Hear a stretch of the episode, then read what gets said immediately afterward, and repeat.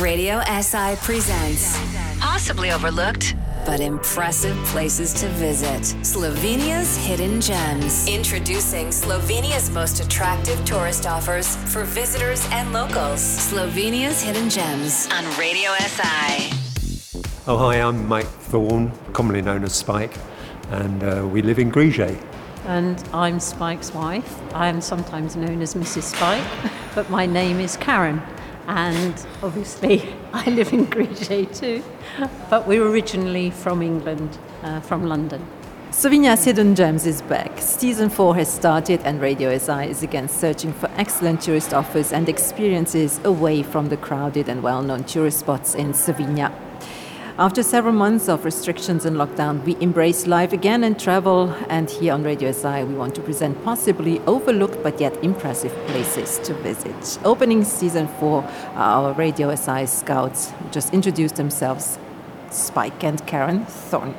They had the chance to test a very special tourist offer in Brežice and Čatež, a one day package called Three Castles and Three Different Experiences in the destination Čatež Brežice. So, we are today in Brežice, a town in eastern Slovenia near the Croatian border. Is this your first visit to Brežice? Uh, strangely, it isn't. Um, by coincidence, uh, we came here uh, 15 years ago on our first visit to Slovenia. So, you started your day today in Brežice with a special breakfast in Yogurtlandia. How was it, Karen?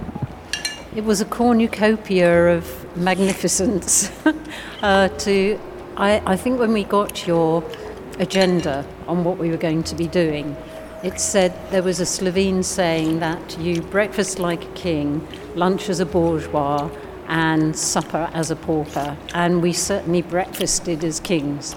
Monica made us incredibly welcome at Yogurtlandia, and she cooked for us American pancakes, followed by waffles and strawberries and bananas. Uh, it was absolutely splendid. So, a good start because you had a long day ahead of you. Yes. After your breakfast, you went to Brežice Castle, where you had also a guided tour. What did you learn and what impressed you the most in the castle? Maybe you, Spike. It, it's very difficult because it's, um, it's a historical site of some importance. And to try and get an idea of, of what happened here throughout centuries. It's quite a lot to take in. But the one thing that impressed me is the King's Hall, which is just uh, unbelievably magnificent. Um, it's, it's so vibrant and colourful. It's very hard to believe that it was painted so long ago. And, it, and I just say to everybody, come and see it. Honestly, it is a sight to behold. I mean, forget Michelangelo you've got, you've got better in Slovenia. Uh, then you also had a tour, a guided tour through the town of Brežice. Karen. I think it was really good because it tied in nicely with the castle because we'd already learnt about some of the history of, of the village. It, it just impressed me with how much used to go on here with arts and crafts and also how it depended on the Sava for its crafts the guide Dejan impressed me because he's a young man, but he's he's so he's he's so particular about this town in which he lives in. And one street we went down has been they've been given 63 oleander plants to put out in front of people's houses. And it's, it's this attention to detail that I, that I really loved.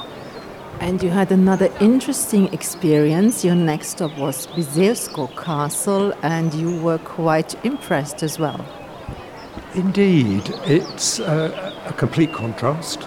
It's good to see a castle that doesn't have a lot of money spent on it. It's just more or less left to nature. And it's not in particularly good condition. But it's still fascinating, and there's still a lot of history there, and there's still a lot to see. Stay tuned after a short break. We will be back with part two of Slovenia's Hidden Gems, talking to some of the providers of the package in Brežice and Čatež. Slovenia's Hidden Gems on Radio SI. Alenka Črnec Krošel, the director of Posavje Museum Brežice. Welcome to part two of the first show of Slovenia's Hidden Gems in season four. I'm now at the Posavski Muzej Brežice, housed in Brežice Castle with its director Alenka Černelič Krošelj. My first question to you How did you experience the last year? Everything was closed. Well, it was a great challenge because we are quite used to having many people, many events, many different workshops, uh, programs.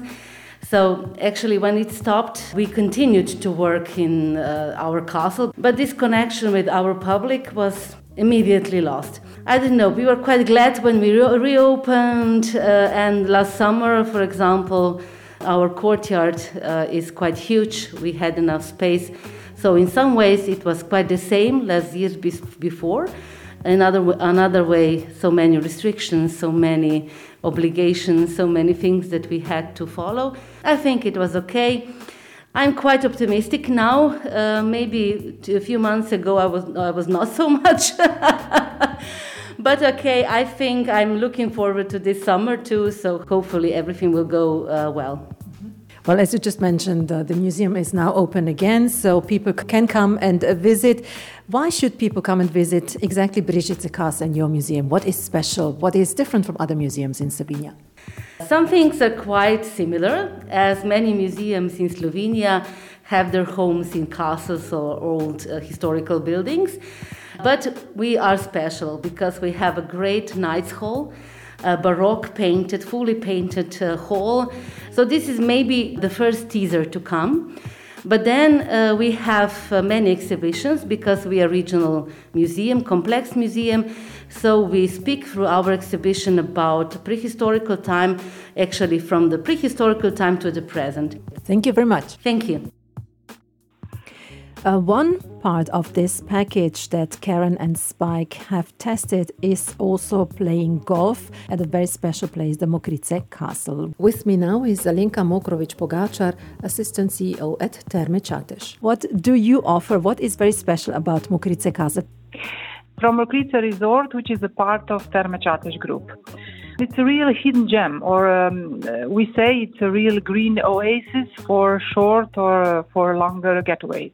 Today, the castle is refurbished into a Mokrice Castle Golf four-star hotel, which impresses with its uh, noble interior and subtle and cultivated over 200 years old English park and one of the most beautiful golf courses in Slovenia.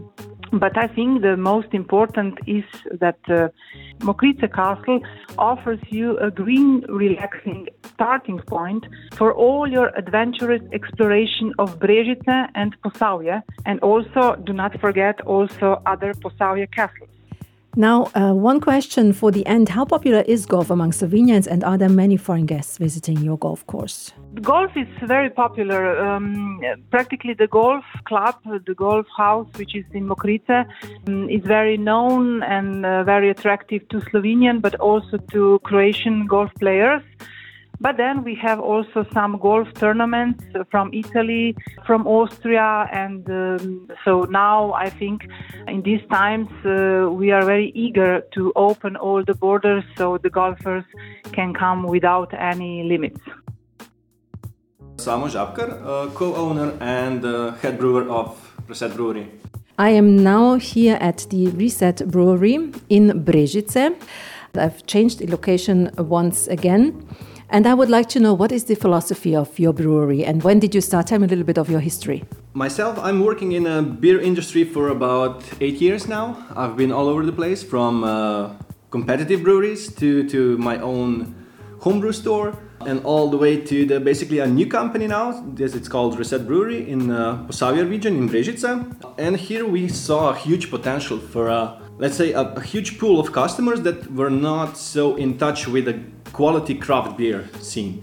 So that was kind of our mission to introduce the beer to the local public and to slowly get this ball rolling so we get all the parts of our company in line in order and to start offering an overall uh, experience of how what a craft beer is and how a good pub food on the side of the good quality beer should look like. So, guests coming to the Reset Brewery, you also mentioned not just beer but also food. What can they expect? What do you offer? Basically, we offer a whole experience. Basically, when you're sitting in a tap room, drinking our beer and eating our great uh, pub food, you can also see through the through the windows uh, the whole brewing process. So you basically come to the source uh, of, of Reset beer, and you basically have the whole experience as well. When we are be allowed to do that, we will also uh, host uh, brewing tours. Okay, thank you very much and good luck. Thank you. Thank you very much for visiting us. Go to Slovenia's Hidden sloveniashiddengems.si. We are back with Spike and Karen, who were testing the one day package, three castles and three different experiences in the destination Čatež Brežice.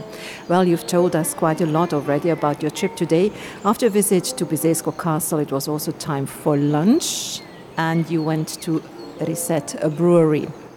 Uh, I know, Spike, that you like beer. Strange. Yeah, strange. And uh, you were quite happy when you learned that you will visit a brewery. So, how did you like your lunch and the tour you also had? It's a, it's a lovely new brewery run by very passionate people.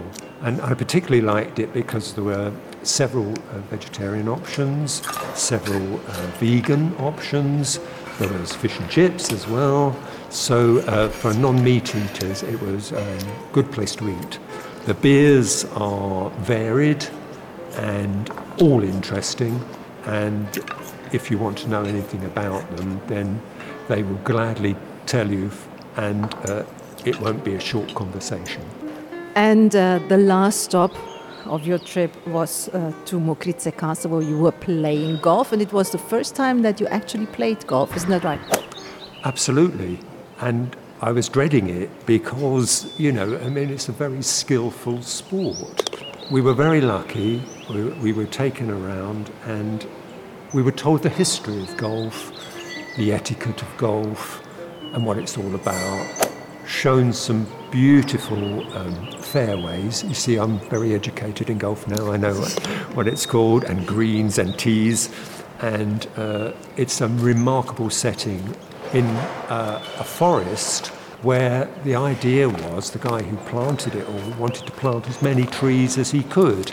And then through the middle of all that is this lovely green playing surface for golf. And then after that, he, he let us hit a few balls. And it's very difficult to play, and we, we were very lucky and very shown very patiently how to play. What was your favorite part of the day, Karen? It's really, really hard to sum up because all the experiences were so different. I think I'm going to plump for my breakfast because I've never had anything quite like that. And I love the atmosphere in Yoghurtlandia and their attention to detail. And it was the best coffee in town, despite what our, our guide might have said towards the end of the day. And uh, Monica was very attentive and uh, I, I, really enjoyed it there. But I would also like to say that I enjoyed the castle um, uh, that we went to at the end of the day and to say that he, he has beautiful wines there and we managed to taste some of the wine. I want to get that in because obviously we've been drinking beer here.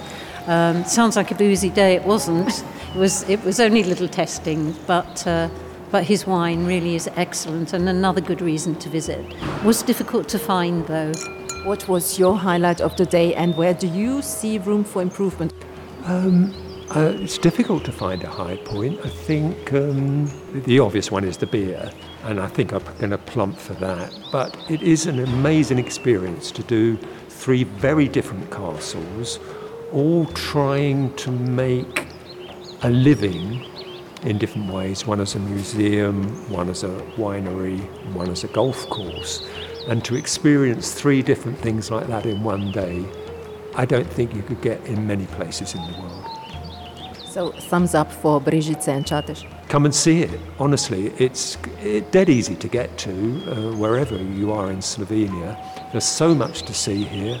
It's a very quiet place. I mean, it, it, it, doesn't get crowded at all, yet it's two minutes off the motorway, so it's great to come and see. And there's one thing I will say about them the information boards everywhere are outstanding. They're in every street and they're very interesting and they're at least in Slovene and English and usually in German and Italian too. And um, it really makes a visit here very much more interesting. Karen and Spike, thank you for sharing your impressions. Yeah, thank you very much. It's been a lovely day. Thank you. You can find out more about Spike's and Karen's experience in Brežice and Čatež on our website www.sloveniashiddengems.si and there you will find photos and an essay about their trip to this region. Don't forget to tune in again in two weeks' time for our second edition of Slovenia's Hidden Gems of Season 4 here on Radio SI. Introducing Slovenia's most attractive tourist offers for visitors and locals. Slovenia's Hidden Gems on Radio SI.